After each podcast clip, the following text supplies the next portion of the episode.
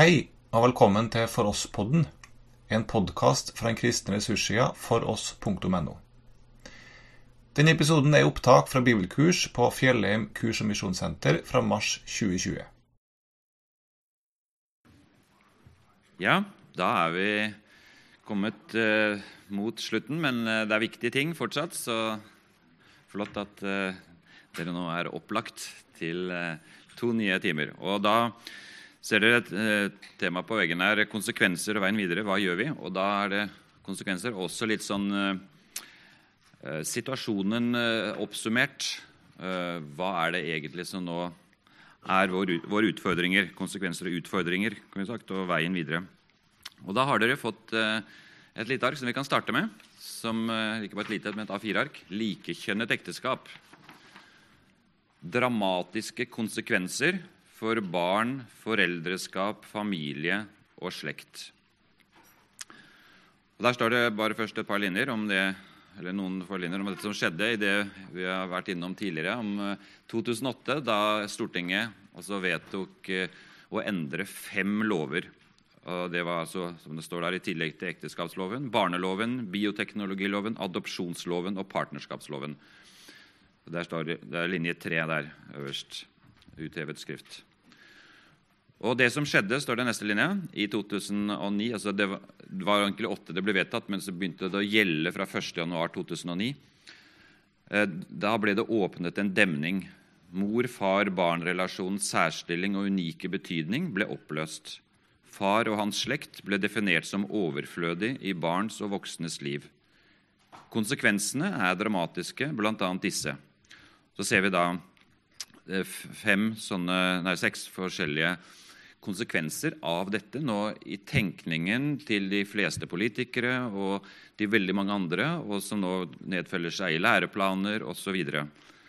Og da er jo disse konsekvensene bl.a. punkt A kjønn er irrelevant og uten betydning for barn og familie. B. Den biologiske familien med mor, far og barn er bare én blant diverse sidestilte varianter. Punkt C. Blodsbånd, gener og biologisk slektskap betyr lite eller ingenting.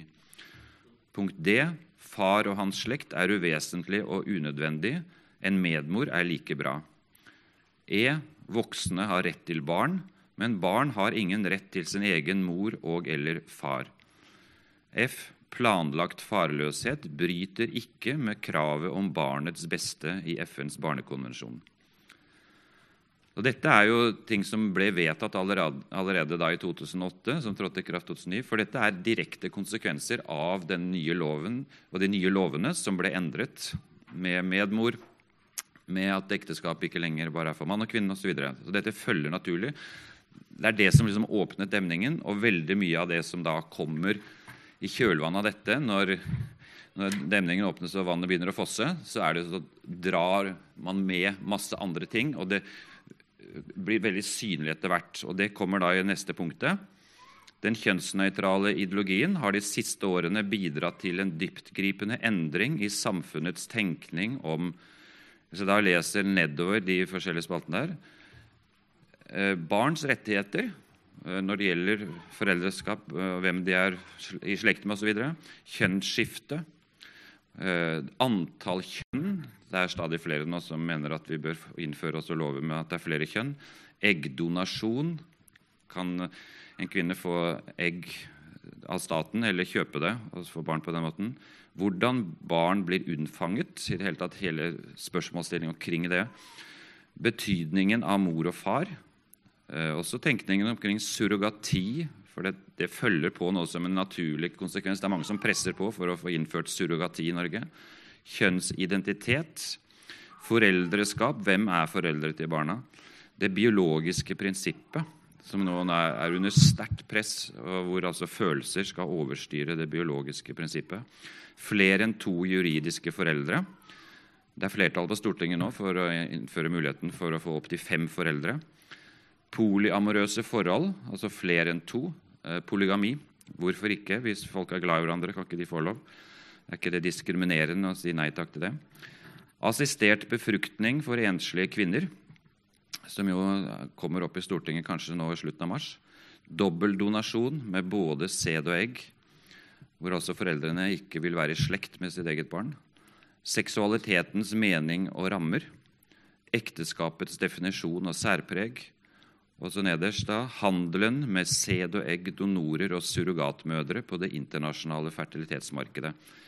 Det var for de fleste nordmenn for 10-15 år siden helt utenkelig at Norge skulle bli med på det, og nå er det i full blomst. og Staten benytter seg av det, og mange nordmenn benytter seg av det. Og ingen tør nesten å si at er det noe etisk betenkelig. Vi kjenner stadig flere sikkert av oss også, at folk har vært i Danmark, kvinner har vært i Danmark og fått barn med en ukjent donor. Og Det holdes taust, fordi man må ikke krenke noen og støte noen og få noen til å føle at de har gjort noe galt. Så her bare, Det er sånn som man kan kalle det med god grunn snikinnføring av veldig mange ting Eh, som skjer fordi det er taust, og man bare venner seg til at ja, sånn er det. Sånn er samfunnet. Og det er jo da vi eh, blir kalt til, sånn som jeg tenker er en av de, våre viktigste strategier i møte med dette. For dette er jo utfordrende på nesten alle de eh, ca. 15 punktene som jeg har levd opp nå. Så, så er det jo kollisjon, på kollisjonskurs med bibelsk og kristen etikk. Hva gjør vi da? Og Da tenker jeg at Det viktigste vi kan gjøre som utgangspunkt, det er dette med ja-budskap, som står i rammen der, nummer fire, punkt fire. Og Da skal ikke jeg lese de opp høyt nå, men en del av dem står på baksiden av den ekteskapserklæringen dere har fått, men det er også lagt inn noen nye. Og dere kan jo veldig godt også finne egne ja-budskap som dere syns er viktige. Og hvis vi møter andre mennesker, og når vi snakker og diskuterer, og til og med om vi skulle skrive noe, så prøve å få fram det at vi sier ikke nei og uff og æsj og fy til alt mulig som kommer nytt. Nei, men vi sier nei takk til det fordi vi står for noe annet. Vi har verdier som vi synes er så viktige at de vil vi forsvare. Og de vil vi bygge vår etikk på og bygge våre liv på. Og da Hvis vi får dette ja-budskapet som noe positivt, konstruktivt, så tror jeg folk skjønner bedre også hvorfor vi mener det vi gjør. Og kanskje til og med noen syns det virker fornuftig. Så da kunne jeg tenkt meg å gi dere nå eh, en, noen tre-fire minutter hvor dere først eh, snakker litt om eh, de punktene i altså ABCD sånn, i punkt to. Disse konsekvensene av det som ble vedtatt i Stortinget. Og om dere prater da litt om hva synes dere, eller hva har dere møtt? Hva syns dere er mest problematisk? Hva syns dere er enklest? tanker og assosiasjoner dere får i møte med de seks eh, konsekvensene av det som Stortinget vedtok for tolv år siden. Så da kan dere sette dere to og to, tre og tre, fire. Eh, så prate litt om det. Eh, hvordan tenker dere? Hva føler dere? Hva har dere selv møtt i deres eget liv av disse konsekvensene? Vær så god. Da kan dere ta med dette arket selvfølgelig, som alle de andre, og bruke det for det det er verdt. For deres egen kunnskaps... Si, lære mer. Kunnskapstilførsel. Og ikke minst også hvis dere har lyst til å gi det videre til andre, eventuelt bruke det i en bibelgruppe. Som dere ser, så nederst på arket så er det spørsmål til samtale. Det er det på flere av disse arkene dere har fått og vil få nå siste timen. Og disse ligger jo også da på samlivsbanken.no.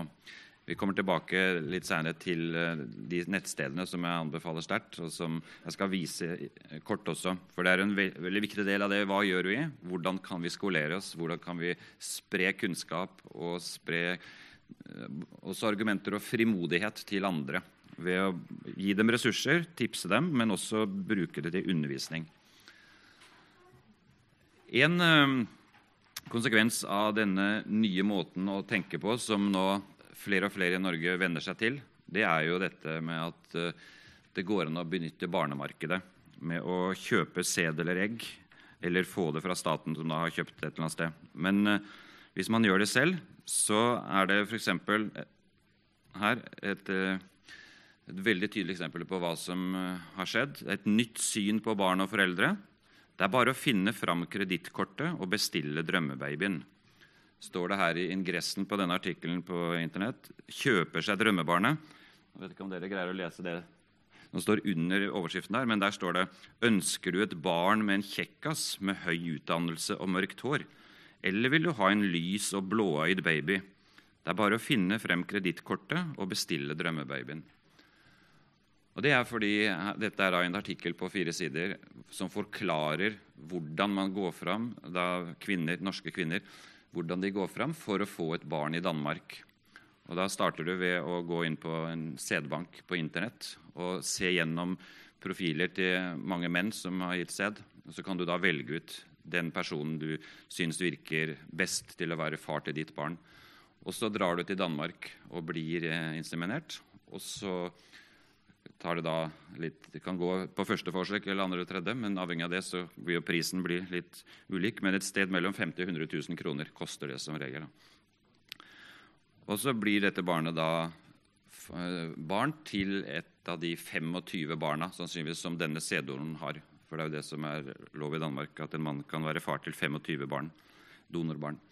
Og de fleste av de som gjør det i Norge og er, Jeg har bare siste tallet fra 2017, tror jeg det var at det var 800 kvinner fra Norge som dro til Danmark for å gjøre dette. Og de fleste gjør det jo fordi der kan du velge anonym sæddonasjon. Eh, barnet og, og, mora vil aldri få vite, ikke få mulighet til å vite hvem den mannen er. Mens hvis du lar staten betale her i Norge, så får du kjent sæddonor, men du kan ikke selv velge hvem som skal være donor. Du må bare få det du får. Eller du må bli eh, befruktet med det som Haugesund sykehus eller Rikshospitalet gir deg. Så noen foretrekker både fordi de da kan velge selv, og fordi de, det er en god del som ønsker at det skal være anonymt. De vil ikke at det skal være noe far inne i bildet. For mor er jo god nok, og hvis det til og med er en medmor, så hvorfor skal vi ha en far inne i bildet? Det er jo interessante eh, artikler og sitater også fra noen dok masteroppgaver som Hans Kjell Skartveit eh, viser i bo, siterer i boka si. Eh, hvordan mange av disse kvinnene tenker når det gjelder barnets forhold til far og deres forhold til denne mannen, og hvordan de rasjonaliserer og sier at det er best for både barn og oss at ikke vi vet noe om hvem som er far. Så det er, det er bare helt eh, sånn ny måte å tenke på som veldig mange har, ville ha reagert på hvis det kom plutselig. Men fordi det bare siver sånn inn, eh, så venner folk seg til det og syns det er vanskelig å si noe imot. Og så er det jo et, eh, en motsatt eh, standpunkt som eh, sto i et lite leserinnlegg for noen år siden i Aftenposten, som er interessant. Og det er at det er lite stas å være ufrivillig farløs, er det en kvinne som skriver litt innlegg. Jeg har vokst opp med en sædcelle til far og kan fortelle lesber og eventyrlystne at det ikke har vært noe stas man er og blir historieløs og svar skyldig når tema far kommer på bane. Og det er ofte. Det er lettere å referere til adopsjon eller død, men en far uten navn Jeg skal love at det svir. Det kommer aldri til å bli kult. Det blir heller aldri vanlig. Selv et ønsket og elsket barn har behov for foreldre av begge kjønn.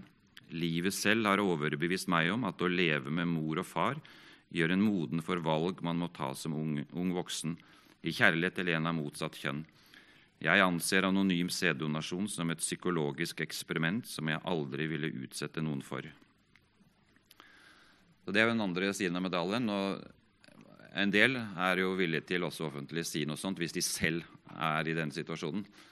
Og det er jo stadig flere også som danner grupper på Facebook og på Internett og sånn for å lete etter sin far av ungdommer eller unge voksne.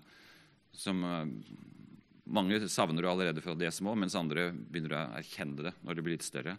At jeg vil veldig gjerne hvem, vite hvem er min far. Hvilken, er, hvilken farsslekt har jeg? Hvem er mine onkler og tanter? Hvem er min bestefar og bestefar? Eller farmor og farfar? For det, det blir jo fratatt dem i utgangspunktet. Så her er det dramatiske ting for enkeltmennesker. Mens eh, politikere og samfunnet eh, gjør dette med åpne øyne fordi det er en del av den eh, utviklingen og de drivkreftene som har vært på, pådrivere nå de siste årene. og da kan jeg lyst til å bare nevne for dere fem stikkord som sier litt om det, hva som er drivkreftene bak dette. Og Vi var jo inne litt på sånn, vi kan se helt tilbake til gnostisismen. Eh, hvordan de skilte mellom ånd og kropp, og sånn dualisme. at Det var egentlig bare ånden som betydde noe. Kroppen gjør vi som vi vil med. Og så var det gjennom forskjellige epoker og faser i historien. og Det er én måte å se det på. Men en annen måte det er jo hvilke ideologier og ismer i vår tid er det som eh, er dominerende. Og da, den, Det første ordet det er jo, og første drivkraften er jo dette med en ekstrem individualisme. Hvor det er jeg og min selvrealisering. Jeg er sentrum i mitt liv, og ingen skal få fortelle meg hva som er rett og galt. Det vil jeg finne ut sjøl, og hvis jeg velger noe, så skal alle akseptere at det er bra.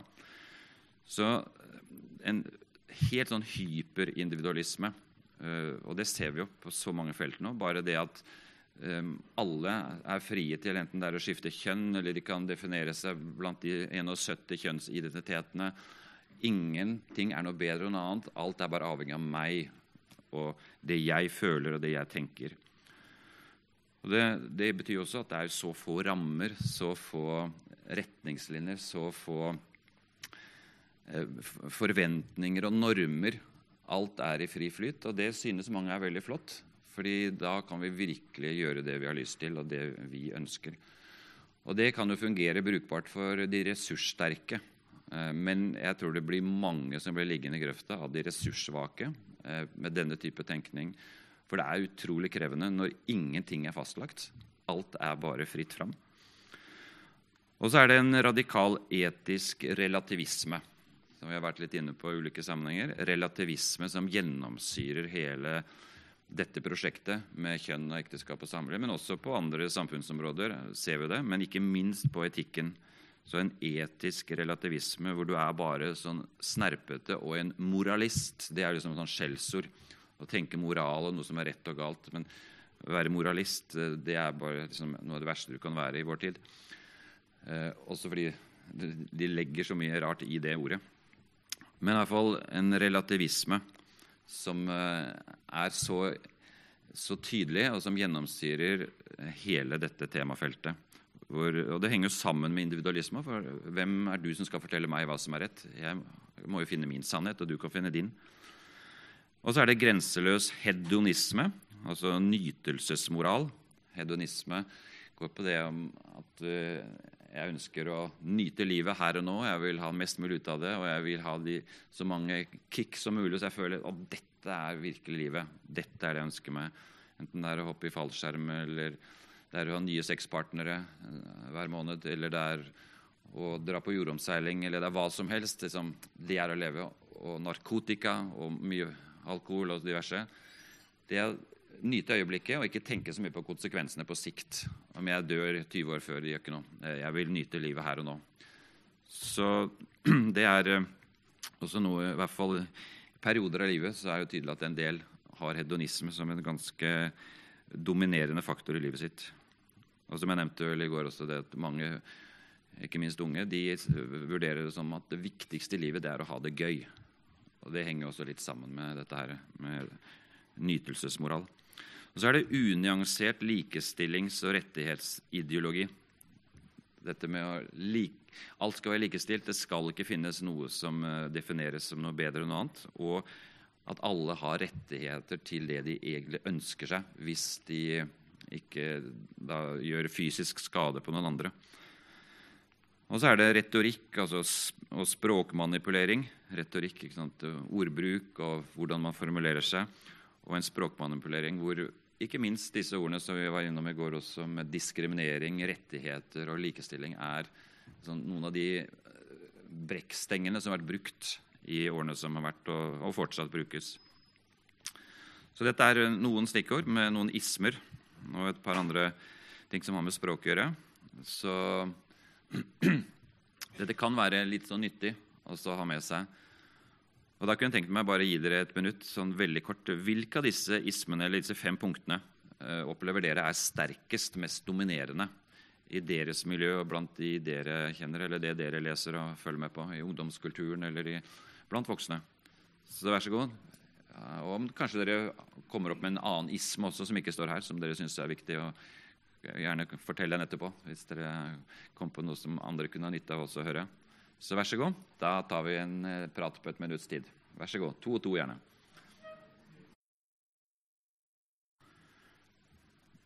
Det er i hvert fall eh, nokså tydelig for de fleste tror jeg, at vi er midt oppe i et paradigmeskifte. Altså en helt ny måte å tenke på. Et nye skjemaer, nye, nye prinsipper som skal gjelde.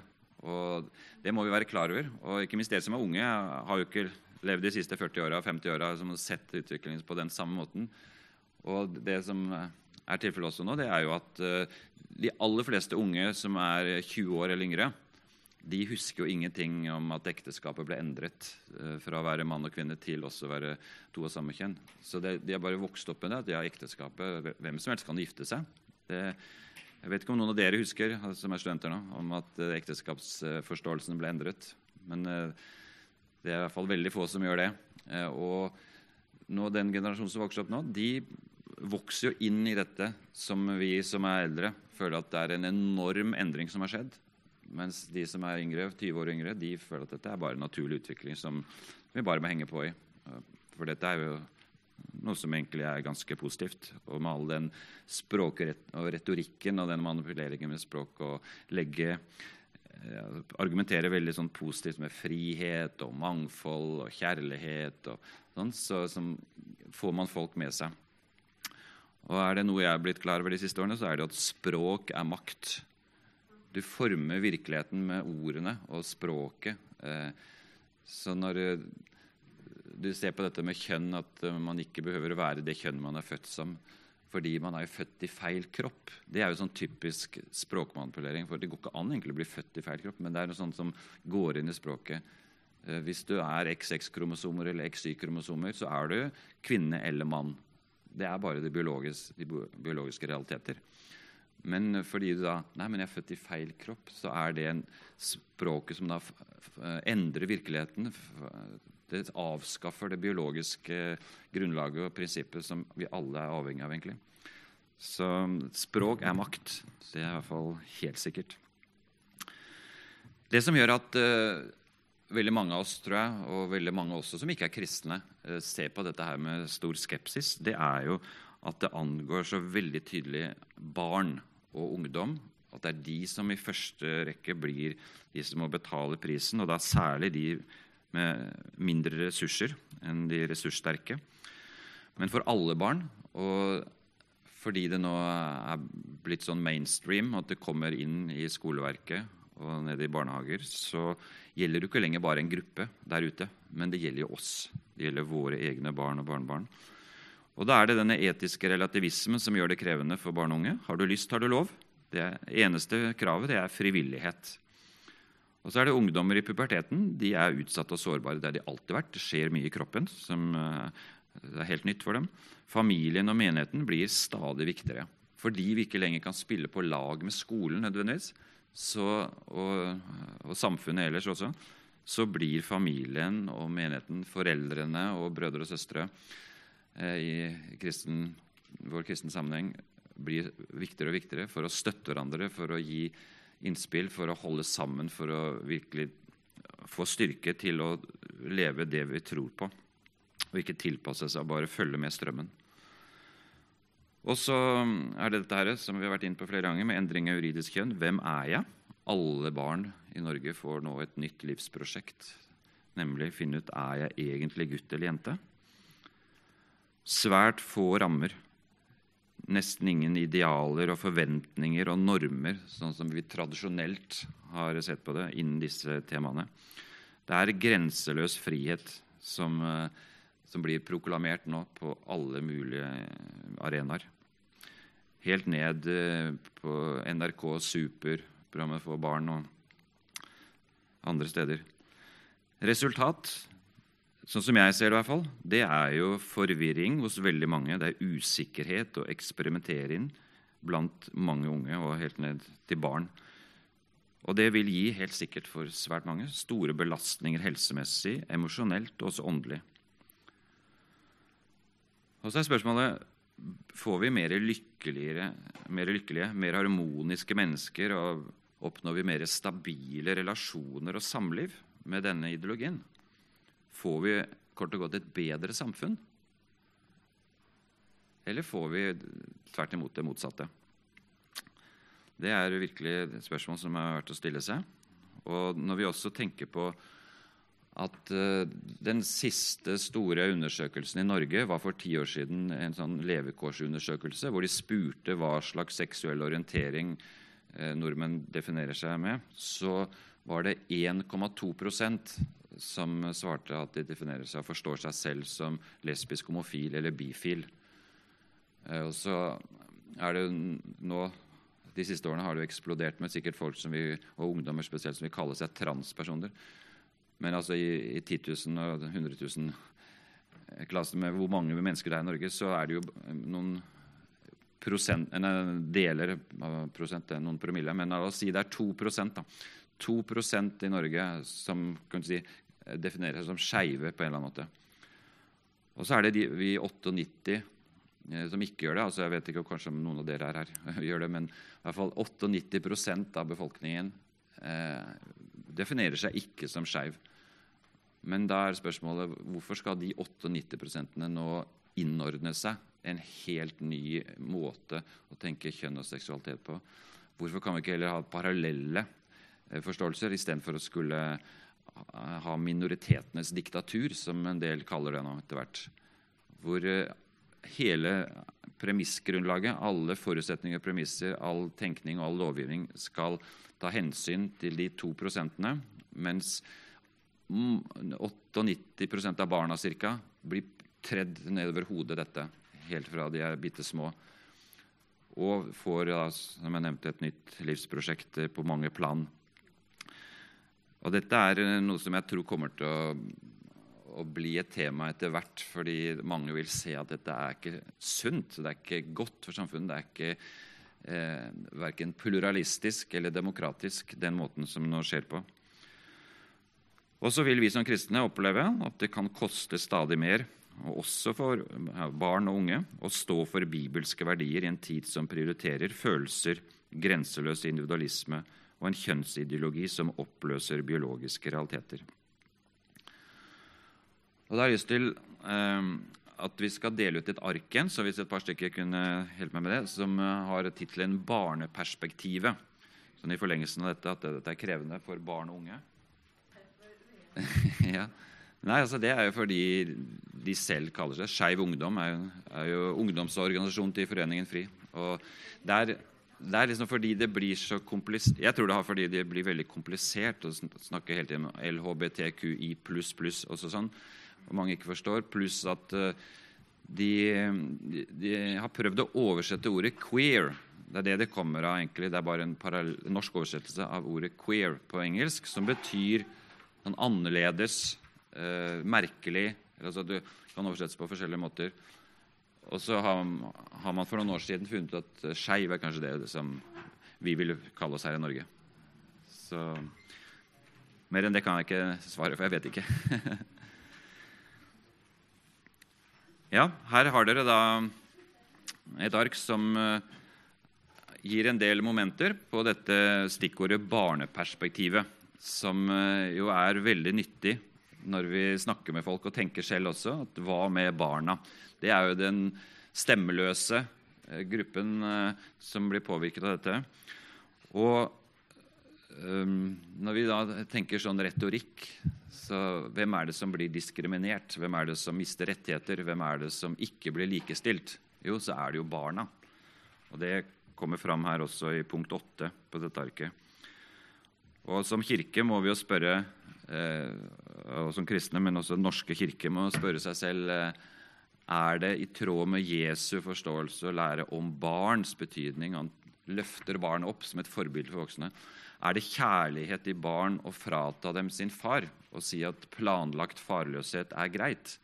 Det er i tråd med Jesu vilje og i tråd med Guds skaperordning. Og Det kommer jo Den norske kirke snart til å måtte si, fordi har, hittil har de aldri tatt i det temaet om barns situasjon i et likekjønnet ekteskap.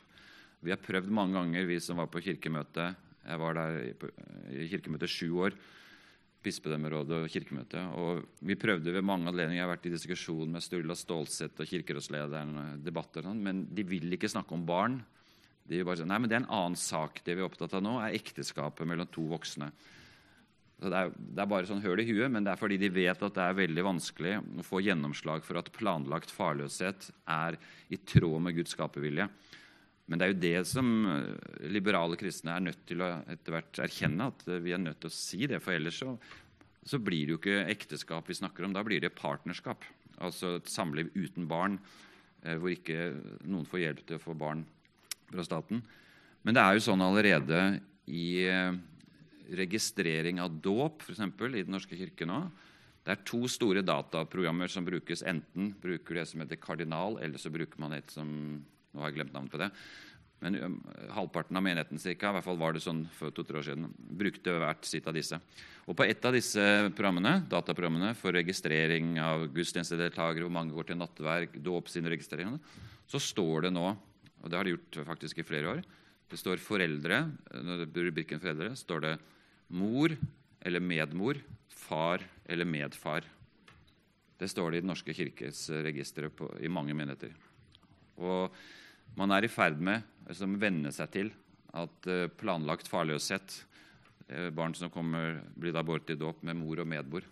Og far, være, og far og hans slekt vil aldri bli aktuell i den familien. Så er det greit for Kirken. For dette eh, kolliderer ikke med Bibelens lære, vil mange da si.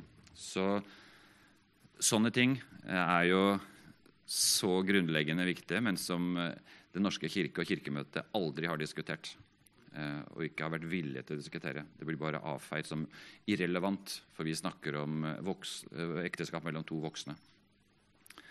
Men er det noe som virkelig kjennetegner et ekteskap, og hvorfor samfunnet er interessert i det, og hvorfor også Bibelen snakker mye om det, så er det jo nettopp fordi det handler om barn, handler om familie, handler om oppvekst for den nye generasjonen som vokser opp.